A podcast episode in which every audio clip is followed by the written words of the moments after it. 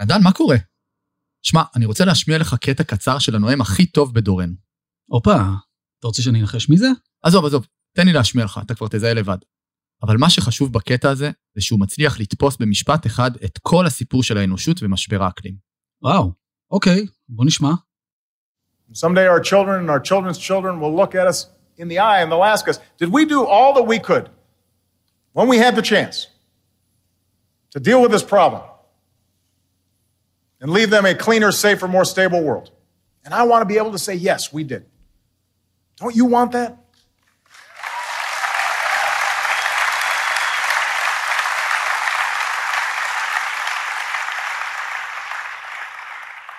We're the first generation to feel the impact of climate change and the last generation that can do something about it.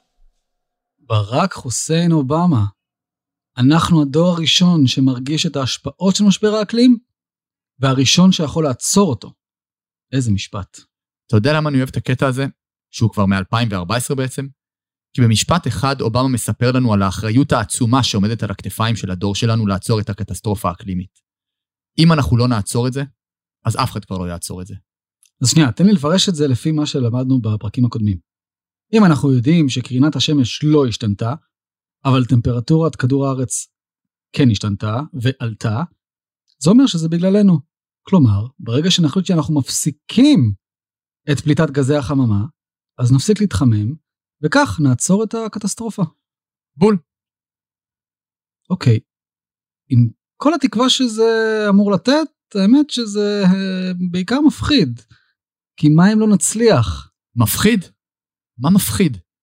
זה הדבר הכי אופטימי ששמעתי בחיים שלי. אופטימי? טוב, על מה אתה מדבר?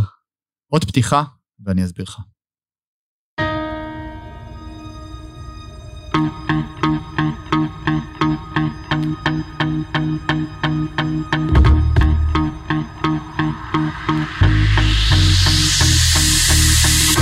האקלימיסטים, הפודקאסט הישראלי על משבר האקלים, עם נתן פלדמן ודוקטור אבנר גרוס.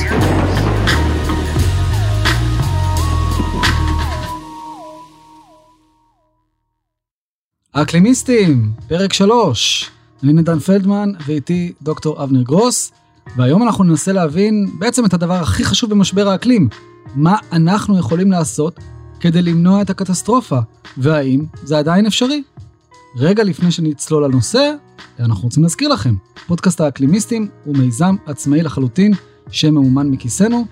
אין לנו תשתית הפצה של רשת תקשורת כמו כאן או הארץ, ולכן העזרה שלכם חשובה במיוחד. ככל שיהיו לנו יותר מאזינים קבועים, נוכל לגדול ולהדהד את השיח על משבר האקלים ליותר אנשים.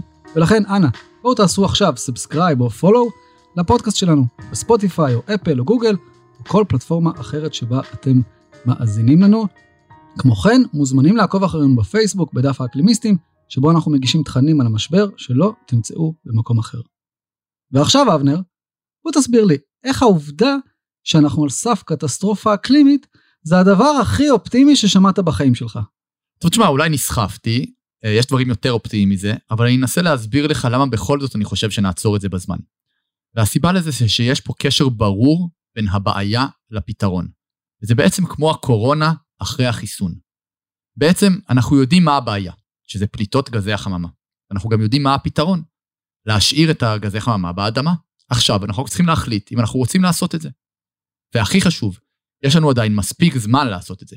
אז למרות ששרטטנו בפרק הראשון מעין חזון אימים לכדור הארץ, שיכול אה, להתרחש אם נמשיך להתחמם, הדגשנו גם שזה רק במקרה ולא נעשה שום דבר כדי לעצור את ההתחממות. כלומר, במידה ובחרנו ברע ולא בטוב. אתה יודע, זה נשמע תנכי כזה. זה בדיוק תנכי. זה מזכיר לי תמיד את הסיפור של המבול של נוח, שאגב, לפי העדויות הגיאולוגיות, כנראה שקרה באמת כתוצאה משינוי אקלים. אז למעשה העדויות הגיאולוגיות מראות לנו שפני הים התיכון עלו כתוצאה מהמסת הקרחונים שיצאנו מעידן הקרח האחרון, ולאט לאט הציפו את כל אזור הים השחור וקברו כפרים שלמים מתחת למים. במקרה של המבול, ההצפה הזאת הייתה מקומית, והיום אנחנו מדברים על משהו הרבה יותר נרחב, מעין מבול גלובלי. אז אולי אפשר לומר שאנחנו עכשיו, בדיוק, תדמיין רגע, את הרגע הזה שנוח בא לכל בני האדם ואומר להם שיש להם דרך למנוע את המבול. רק שאז הם לא הקשיבו לו. תחשוב מה היה קורה אם היו מקשיבים לו. כל תולדות המקרא היו נראים אחרת. אבל מה נוח של המאה ה-21 היה אומר לנו? אז בוא נשאל, מי זה נוח של היום? יש כאלה שיגידו שזו גרטה, יש שיגידו שאלו המדענים שצועקים בכל מקום שיש לנו תקציב מוגבל של פחמן שמותר לנו לפלוט לאטמוספירה לפני שיבוא המבול. שהשעון מתקתק כל יום שעובר וכל פליטת פחמן נוספת מחממת אותנו עוד ועוד ועוד לעבר נקודת האל-חזור. רגע אחד, כשאתה אומר לי תקציב פחמן, בעצם מה שאתה אומר, נגיד זה כמו בן אדם שכבר נמצא בחובות, אבל ממשיך לבזבז כסף שאין לו, הבנק רודף אחריו והוא ממשיך כרגיל. ובעצם אם הוא לא יתעשת, הוא יגיע לפשיטת רגל. ואתה אומר לי שהתקציב שלנו כאנושות נגמר עוד 30 שנה. זה התקציב שיש לנו 30 שנה להגיע לאפס פליטות. בדיוק. וככל שנבזבז יותר מהתקציב הזה שאין לנו, ככה אנחנו נתחמם יותר ונפגע יותר ביכולת שלנו לחיות בביטחון בכדור הארץ. תראה, עד היום עלינו רק במעלה, וזה רק כמו שראינו בקיץ האחרון. תוך עשור אנחנו כבר נגיע לעלייה של מעלה וחצי. זאת אומרת שיש יותר חום במערכת, זה מוביל אותנו ליותר אירועי קיצון, כמו סופות, שרפות, בצורות, גלי חום קטלניים, הכל יוקצן עוד.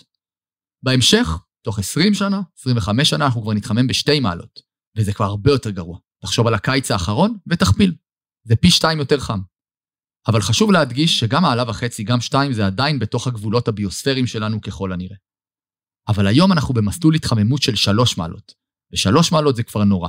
כי במצב כזה אנחנו נעבור את היכולת שלנו, כחברה אנושית, להתאקלם למצב האקלימי החדש, ונפעיל במלוא העוצמה את אותו אפקט דומינו שדיברנו עליו בפרק הראשון, שיוביל אותנו לנקודת האל-חזור. אוקיי, okay, ומה זה אומר מבחינת היכולת שלנו לחיות בכדור הארץ? אז אולי תחשוב על זה ככה. בעצם לכל מין, כולל האדם, יש טווח טמפרטורה שבו הוא יכול לשרוד.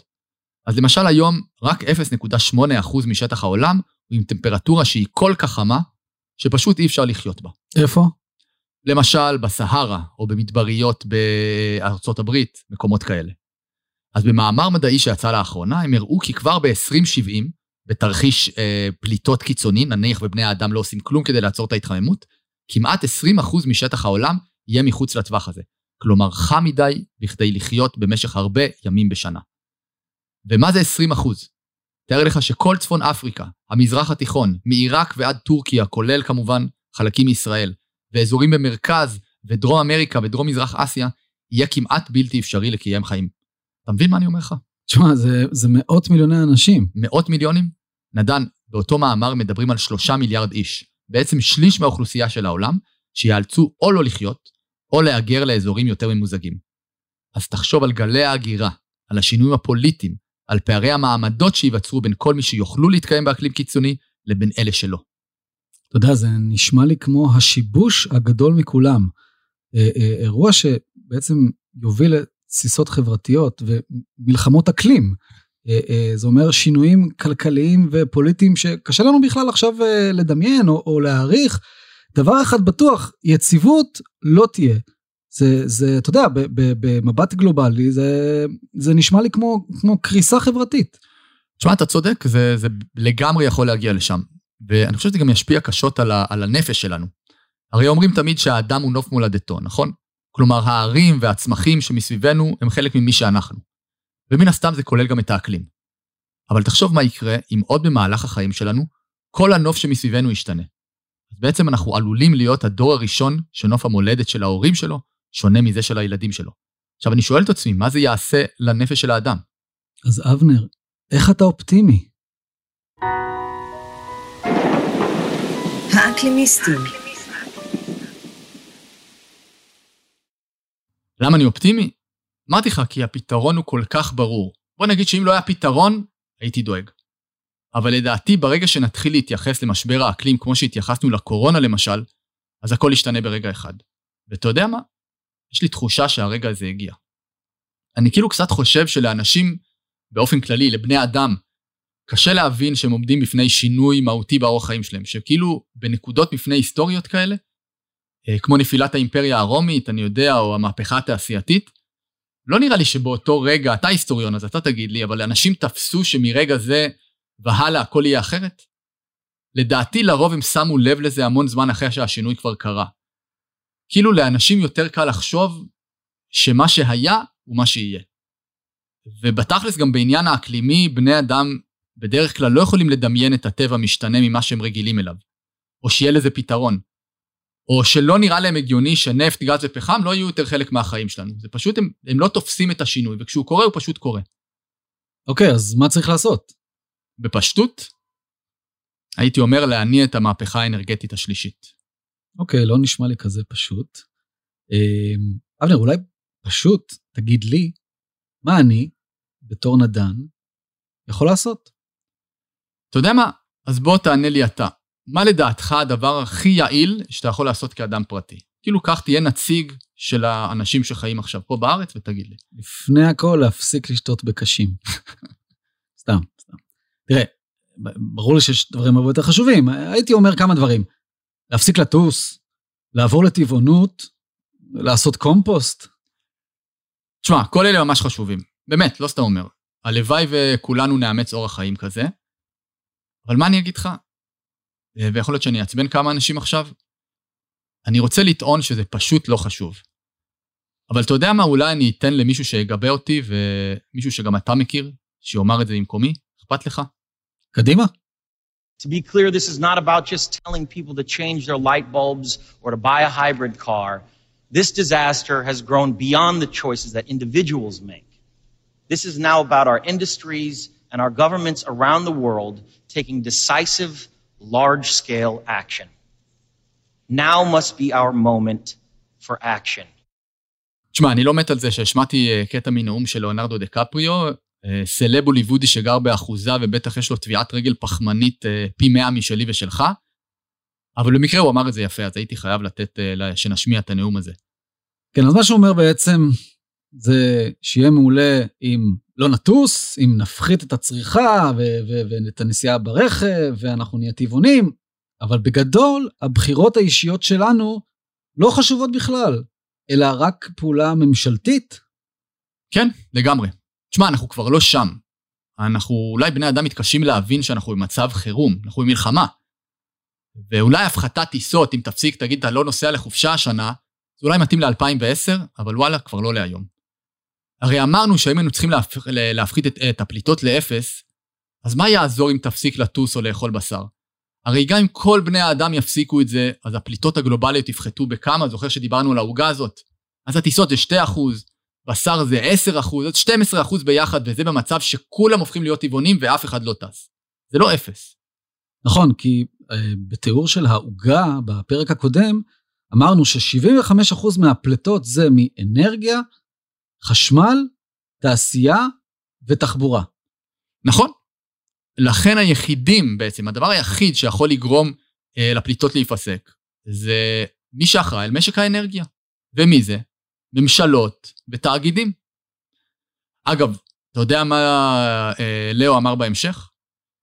שרק פעולה ממשלתית נחרצת שכוללת מס פחמן, כלומר, תחשוב שאתה מעלה בחדות את מחיר הדלק למחיר שמשקף בתוכו את הזיהום והאסון האקלימי, יחד עם הפסקה מוחלטת של כל הסובסידיות לחברות הנפט והגז. ועם הכסף שהרווחת וחסכת למשלם המיסים, ועוד כסף שאתה מפנה בשביל לנצ... ל... להתמודד עם המשבר הזה, להשקעה ועידוד שימוש באנרגיות מתחדשות. שם צריך טריליונים, אבל מול משברים כאלה, זה מה שאתה עושה. אז uh, שינוי סדרי העדיפויות הכלכליים לחת... לחלוטין, זה מה שהמדינה צריכה לעשות. כל דולר פנוי שיש לנו חייב ללכת לשם. והאם זה אפשרי? אני אומר לך שכן. ומה שמדהים אגב, זה לפני חמש שנים רק, זה לא היה אפשרי טכנולוגית אפילו. בשנה שעברה הגענו לאיזה מיילסטון ממש חשוב, וראינו איך הפקת אנרגיית שמש ורוח נהפכו למקור האנרגיה הכי זול שיש להפקת חשמל, אפילו יותר מנפט וגז. אתה קולט את זה? ראינו ירידה של מעל 50% במחיר רק בעשור האחרון, וזה ירד עוד יותר מהר, כי הדרישה עולה, הטכנולוגיה משתפרת אקספוננציאלית. תחשוב על מכוניות חשמליות. תאר לך שסוללה שעלתה נגיד, אני סתם זורק, 100 דולר לפני כמה שנים, עולה עכשיו 5 דולר בלבד. תחשוב על הירידה העצומה במחיר. בעצם מתחיל להתרחש שינוי שיכריח את כולם לעבור מתעשיית הדלקים לתעשיית השמש. אה, אנרגיה נקייה פשוט תהיה אה, הכי זולה, זה, וזה יהיה הכי משתלם, לכן אנחנו פשוט נעבור לשם, כי זה יהיה משתלם כלכלית. זה כמו לדמיין את העולם שלפני ואחרי האינטרנט. אתה כבר לא חוזר אחורה, זהו, יש לך את האינטרנט, העולם שלפני כבר מת. אה, זה כמו לפני גילוי הפחם בתחילת המהפכה התעשייתית ולאחריו. אתה לא חוזר מסוסים למכוניות, נכון? מישהו שהיה לו אה, סוס וקנה מכונית יחזור לקנות סוס? לא. אז אנחנו מתקדמים, ואני חושב שהשינוי הזה הגיע. ובגלל זה, למה שאלת אותי קודם, אני חושב שהדבר הכי חשוב שאתה צריך לעשות, אה, זה בעצם את כל האנרגיות שלך, כל מה שאתה יכול לעשות, זה להפעיל לחץ ציבורי על הממשלות לשנות את סדרי העדיפויות שלהם, ולשים סוף לעידן הבנזין המזהם. אוקיי, okay, ואיך בדיוק מפעילים לחץ ציבורי על הממשלות וגורמים להם באמת לשנות באופן דרמטי את סדרי העדיפויות? אז בוא נדבר על זה.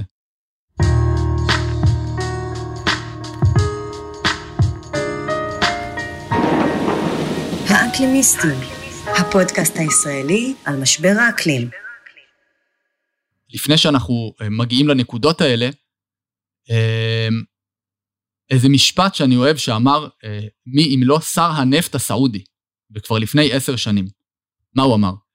אתה תאהב את המשפט הזה לדעתי. עידן האבן לא נגמר בגלל שהיה מחסור באבנים, ועידן הנפט ייגמר הרבה לפני שיגמר לנו הנפט. יפה, אוקיי. אה, מעניין לשמוע את זה משר הנפט של סעודיה, of all people, מדינה שנסמכת אה, במה? 80-90 אחוז ההכנסות שלה מנפט, אבל יפה לראות שגם אה, הם התעוררו. אה, ואגב, אני רואה ככה בשנה, שנתיים האחרונות, כל מיני ככה ידיעות על השיפט האסטרטגי, ההיסטורי, שגם סעודיה עוברת מהסתמכות על נפט להסתמכות על אנרגיות מתחדשות. אז אני אספר לך איזה אנקדוטה קטנה. שמעת פעם על מייקל מן, פרופסור מייקל מן? תן לי רגע...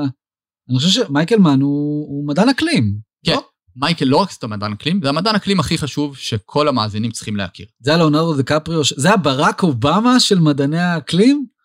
זה, כן, רק לא נראה כמוהו, אבל כן. אוקיי. Okay.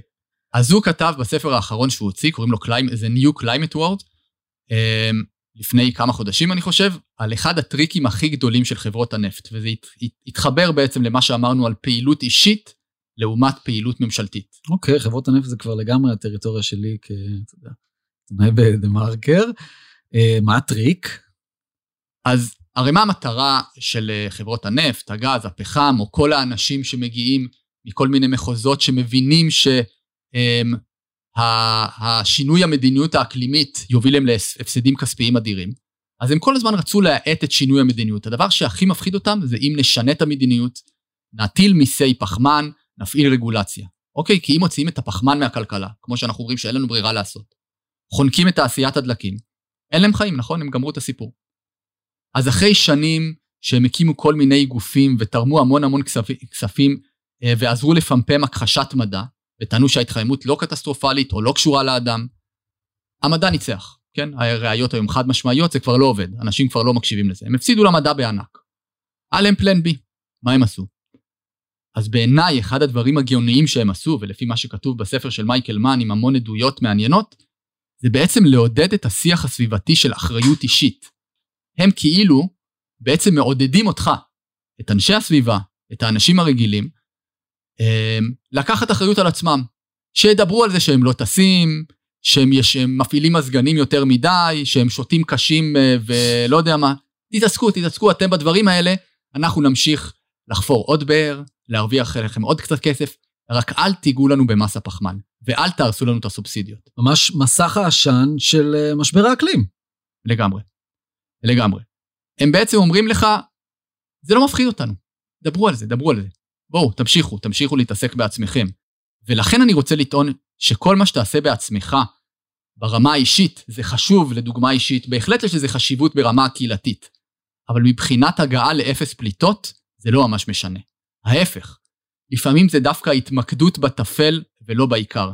ונראה לי זה הסתה מהפעולה האמיתית היחידה שיכולה לעבוד. אז uh, זה טיפה בים, זה מסיט את הדיון לאחריות אישית, במקום בפעולה שצריכה לבוא מלמעלה ללמטה. תתעסק בשינוי הגדול. נגיד ואתה בן אדם המוסרי ביותר בעולם. בוא נראה כמה פליטות חסכת מכל דבר אישי שעשית. נגיד ממחר אה, אתה הופך לטבעוני, ומשכנע את כל העולם להפוך לטבעוני, כן? אוקיי. Okay. כל העולם מפסיק לטוס. אתה גם משכנע את כל העולם שטיסות זה רע, כל העולם מפסיק לטוס. כמו, כמו שהיה בקורונה. נגיד, אתה משכנע את חצי מהאנשים למכור את הרכב, לעבור לאופניים, תחבורה ציבורית. אתה יודע כמה חסכת? תן לי אחוזים, זרוק מספר. מה, מסך אה, כל הפליטות? כל הפליטות, עם, כן. מה, נגיד עם חצי כל הדברים מהאנושות? שאמרתי. עם חצי מהאנושות? אין מטוסים יותר, אוקיי. כל העולם טבעוני, כן. וחצי מהעולם מפסיק לנסוע במכוניות, ועובר לתחבורה ציבורית. לא יודע, מה זה עשרות אחוזים בטח, 30, 40 אחוז. בוא נגיד, ואני לארג' איתך, כן. 16 אחוז, 17 אחוז, במקרה הטוב. בוא נוסיף כן. עוד דברים. אוקיי, אוקיי. אתה משכנע את כולם למכור את כל המייבשי כביסה שלהם ולייבש את הכביסה רק בשמש. שכנעת את כולם לקחת את כל הזבל האורגני שלהם ולעשות קומפוסט. בוא נוסיף לזה עוד 5 אחוז ואני לארג' איתך. אז הגעת ל-20 אחוז. אתה יכול לעשות את כל זה תוך 30 שנה? בוא נגיד ואתה הפריצ'ר, המטיף הטוב בעולם. תוך 30 שנה אתה משכנע את כל העולם להפוך לטבעוני, ומ- וגם אם אתה עושה את זה, אוקיי, בוא נגיד ש... בוא נגיד, כן, אה, ככה... ב... ב... ניכנס לתחומי הפנטזיה המוחלטת, אוקיי, עשיתי את זה. אתה לא היית צריך לעשות את זה, כי אתה אמרת לפני רגע שקרה משהו דומה, היה לנו את הקורונה. אז חוץ מלהיות טבעונים, לא טסנו, לא נכון. נסענו במכוניות. התעשייה ירדה לחצי כמעט, או משהו כזה. כן, ענפים שלמים פשוט שותקו בן לילה. ובכמה אחוז ירדנו? כמה אחוז הפליטות ירדו בשנה הזאת? האמת שאת זה אני יודע, אבנר, כי אפילו כתבתי על זה לפני איזה שנה, ירדנו, וזה, אגב, זה חסר תקדים יותר מבמשברים אחרים, משברים כלכליים, 8 אחוז. זה הכל, 8 אחוז. אתה מבין? כדי להגיע ליעד של אפס פליטות, אתה צריך עוד 10 שנות קורונה רצופות של סגרים. הרי זה לא יקרה. לכן הפתרון הוא תשתיתי ולא אישי. בגלל שרוב הפליטות הן מחשמל, שזה חברת החשמל צריכה להפיק אותו לא מנפט ולא מפחם וגז, אלא משמש ומאנרגיה גרעינית ומרוח.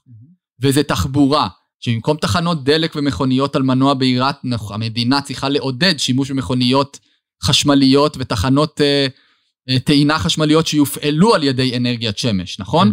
את התעשייה, אנחנו צריכים להוציא את הפחמן מהתעשייה ולמצוא דרכים חדשות להפיק אה, אנרגיה ברמה, בצפיפות מספיק חזקה שתספיק לתעשייה, אז אנחנו בעצם צריכים להוציא מיד את הפחמן מהכלכלה ולעבור לתשתית של אנרגיה מתחדשת לכל הדברים האלה, והיחידים שיכולים לעשות את זה, זה רגולציה וחקיקה של הממשלות.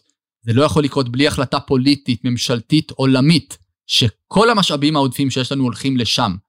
זה דורש השקעה עצומה, זה דורש הטלת מיסי פחמן חדשים, שיכללו את הזיהום והנזק שהפחמן עושה להתחממות, לשינוי האקלים. כל הדברים האלה ביחד אה, צריכים לקרות, והמדינה חייבת להחליט שזה סדרי העדיפויות החדשים שלה. תשמע, אה, זה פשוט, אה, אנחנו במצב חירום. כן. מה שאתה אומר עכשיו זה אנחנו, אנחנו ב... ב זה כמו מלחמת עולם, רק במקום להילחם אחד בשני, אנחנו צריכים כולנו ביחד להילחם על כדור הארץ.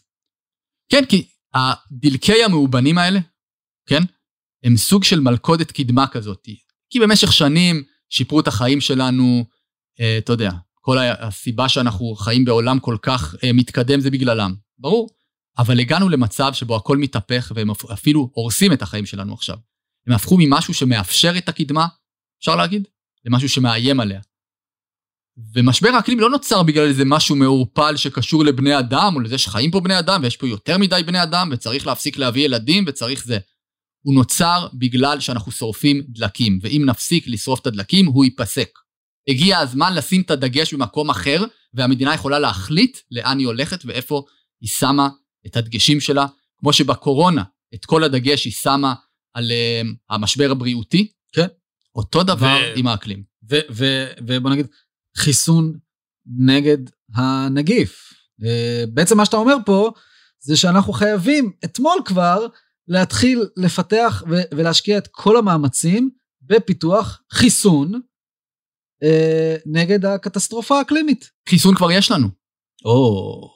אתה במצב הרבה יותר טוב. אתה לא בקורונה לפני החיסון, אתה בקורונה אחרי החיסון. כי אתה יודע מה הבעיה. החיסון הוא לעבור לאנרגיה מתחדשת, והיא היום יותר זולה ויעילה. אני יכול לתת פה איזה מין הקבלה, זה, זה, זה, זה כאילו שבעצם תגיד לי, שמע נדן, יש חיסון, אבל 90% מהאנשים, מהמדינות, הם לא רוצים לקחת את החיסון.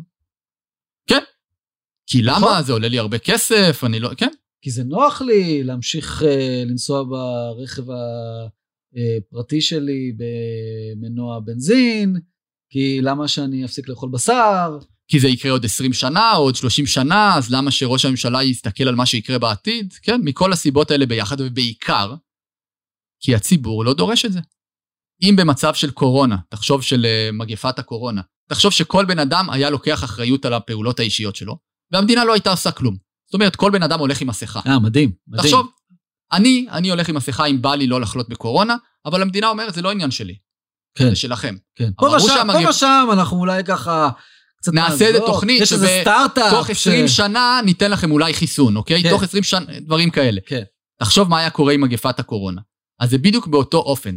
זה שינוי, משבר כל כך גדול וכל כך גלובלי חייב לבוא מהמדינה. למה למשל, אה, אני יכול לתת לך הקבלה ביטחונית, המשבר האיראני. למה להתמודדות מול המשבר האיראני אנחנו מוכנים, אנחנו מבינים את גודל הסיפור, יכולים לראות את הפטריה הגרעינית הזאת שיכולה, למרות שזה לא קרה, זה כנראה גם לא יקרה, ועדיין אנחנו מוכנים שממשלת ישראל תשקיע עשרות מיליוני, אה, מיליארדי, שקלים כן. כדי להתמודד עם האיום הזה. אבל על איום שאנחנו יודעים שהולך לפגוע בישראל באופן כל כך קשה, אנחנו גם יודעים מתי בערך, אנחנו עדיין לא מוכנים לעכל, או בכלל להסכים לשלם מחיר כלשהו בשביל זה. אני רוצה לתת לך שתי המחשות. האם אתה יכול לדמיין, אבנר, מצב שבו שר הביטחון הוא שר בחצי משרה במשך חמש שנים, ובמשך חמש שנים מאוד חשובות, למשל, אתה יודע, מול אה, ההתחמשות הגרעינית של אה, איראן. אתה יכול לדמיין מצב כזה? ברור שלא. אוקיי, עוד דבר. האם אתה יכול לדמיין מצב שבו כבר ב-2009 המדינה אה, הכינה תוכנית היערכות לאומית אה, לגרעין האיראני, אבל לוקח לה עשר שנים להתחיל ליישם אותה? ברור? שלא. אוקיי, זה שלא. בדיוק מה שקרה עם משבר האקלים. היה פה שר להגנת סביבה, זאב אלקין, שהיה שר בחצי משרה, בין מ-2015 עד אה, אה, 2020, והייתה כאן תוכנית היערכות למשבר האקלים שאושרה כבר ב-2009, עוד בממשלת אולמרט, ולקח עשר שנים להתחיל ליישם אותה. מטורף. זה אומר הכל. אז כנראה שברגע שנתחיל להתייחס למשבר האקלים כאל משבר, אז דברים יתחילו להשתנות. ואני חושב שעם זה נסיים את הפרק הזה, ויש לנו עוד המון המון מה להגיד בנושא, מה כל אחד מאיתנו יכול לעשות, אה, ואולי נעשה לזה חלק ב'. אה, אולי, אני רק, אה, יכול להיות שאולי שווה לעשות חלק ב' כדי לגרום לי להידבק באופטימיות שלך, כי גם אחרי החצי שעה הזאתי, אני לא מרגיש אופטימי. עדיין לא. עדיין לא. זה יהיה תהליך, אבנר, אין ברירה. בסוף הסדרת הפודקאסטים אז נקרא לנו האופטימיסטים. מבטיח האופט- לך. האופטימיסטים, אה, אולי הפסימיסטים, נראה. אם ככה, אז נכשלנו. יאללה, נתראה בפעם הבאה. לפני שאנחנו uh, מסיימים, היינו רוצים להודות לאוניברסיטת בן גוריון ולרדיו BGU, שמארחים אותנו באולפן הנחמד שלהם. האקלימיסטים uh, מוזמנים להאזין uh, בספוטיפיי ובכל שירותי הסטרימינג של מפלצות האינטרנט. נתראה בפרק הבא. האקלימיסטים, הפודקאסט הישראלי על משבר האקלים, עם נתן פלדמן ודוקטור אבנר גרוס.